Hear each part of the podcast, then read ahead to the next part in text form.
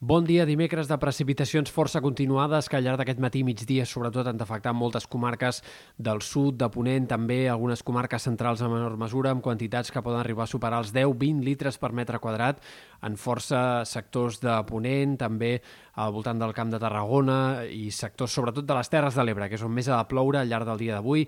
Aquí pot haver acumulacions que arribin als 40-50 litres per metre quadrat i fins i tot als ports no és descartable que es puguin arribar a superar els 100. També pluges destacables a les Balears i sobretot al sud del País Valencià, on pot haver-hi acumulacions de més de 100 litres per metre quadrat. A les Pitiuses, a Mallorca, pluges d'entre 10-20 litres, eh, molt menys significatives, en canvi, cap a Menorca.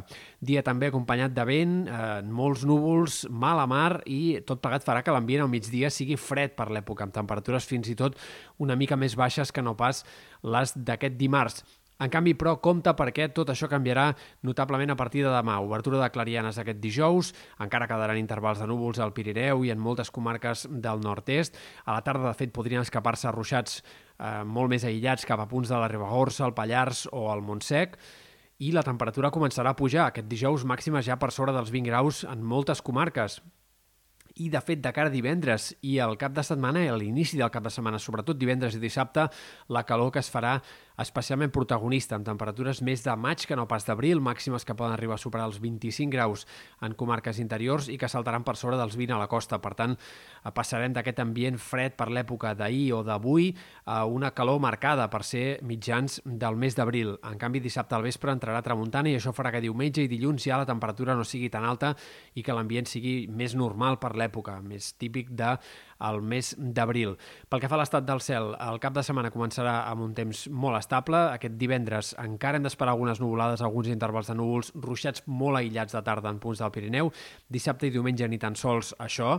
El sol predominarà amb ben pocs núvols. Dilluns podria ser un dia una mica més variable, però hi ha molt poques opcions que arribi a ploure i en tot cas quedarem a l'espera de noves pertorbacions la setmana vinent. Al voltant de dimecres sembla que n'arribarà una altra de força activa que pot tornar a fer ploure de forma bastant extensa Veurem si en quantitats gaire destacables. De moment, en tot cas, sembla que és sobretot al Pirineu on és més probable que aquesta pertorbació pugui fer ploure amb ganes. Òbviament, estem pendents i mirant també mapes de cara a Sant Jordi, però encara ens queda molt lluny tot plegat. Està molt per definir. No sembla probable que arribi l'anticicló i, una, i una situació d'estabilitat total de cara a la segona part de la setmana que ve, però a hores d'ara tampoc hi ha cap gran pertorbació que estigui apuntant al pròxim cap de setmana, després de Setmana Santa.